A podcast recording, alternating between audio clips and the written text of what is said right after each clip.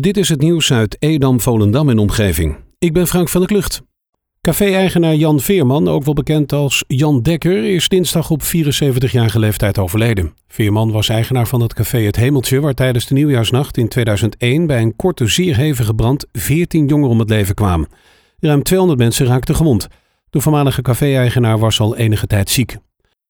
De Belgische bondscoach Jackie Matthijssen heeft Francesco Antonucci geselecteerd voor de Belgische belofteploeg. De middenvelder neemt het op dinsdag 8 september op tegen Duitsland.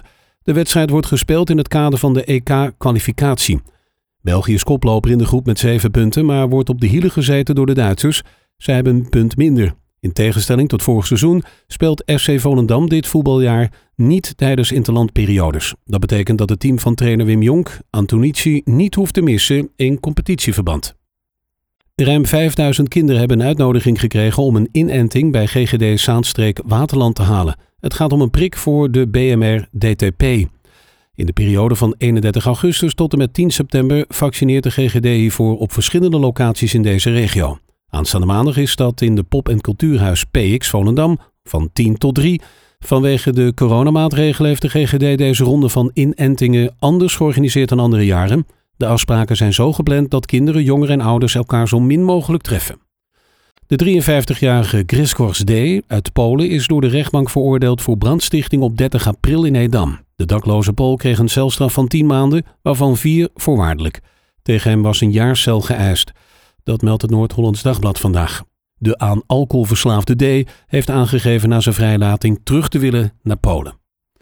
Naast basisscholen en middelbare scholen zijn ook de lessen op veel ROC's weer gestart. Langzaam tasten zij de mogelijkheden af van het aanbieden van praktijkonderwijs aan kleine groepen studenten.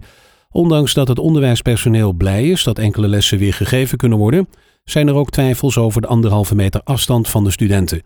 Met ingang van het nieuwe studiejaar is het mogelijk om weer meer onderwijsactiviteiten op de MBO-scholen te laten plaatsvinden.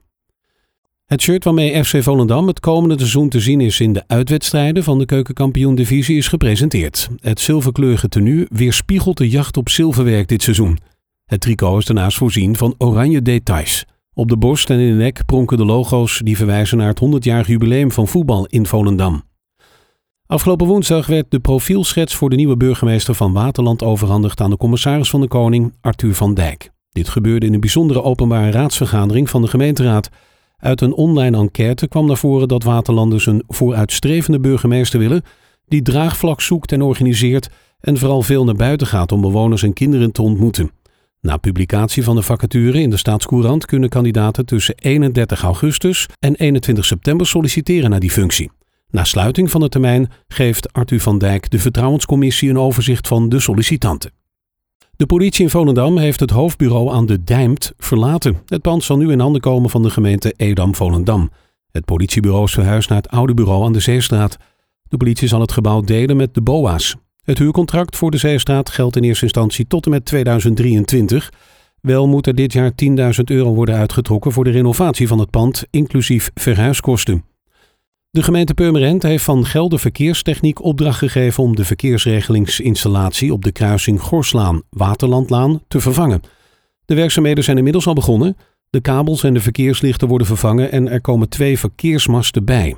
Tegelijkertijd worden er aanpassingen gedaan aan de openbare verlichting. De werkzaamheden zijn op en naast het kruispunt Gorslaan-Waterlandlaan en gaan continu door, dus ook s'avonds en s'nachts. Tot zover het nieuws uit Edam, Volendam en omgeving. Meer lokaal nieuws vindt u op de Love Kabelkrant, onze website of in de app.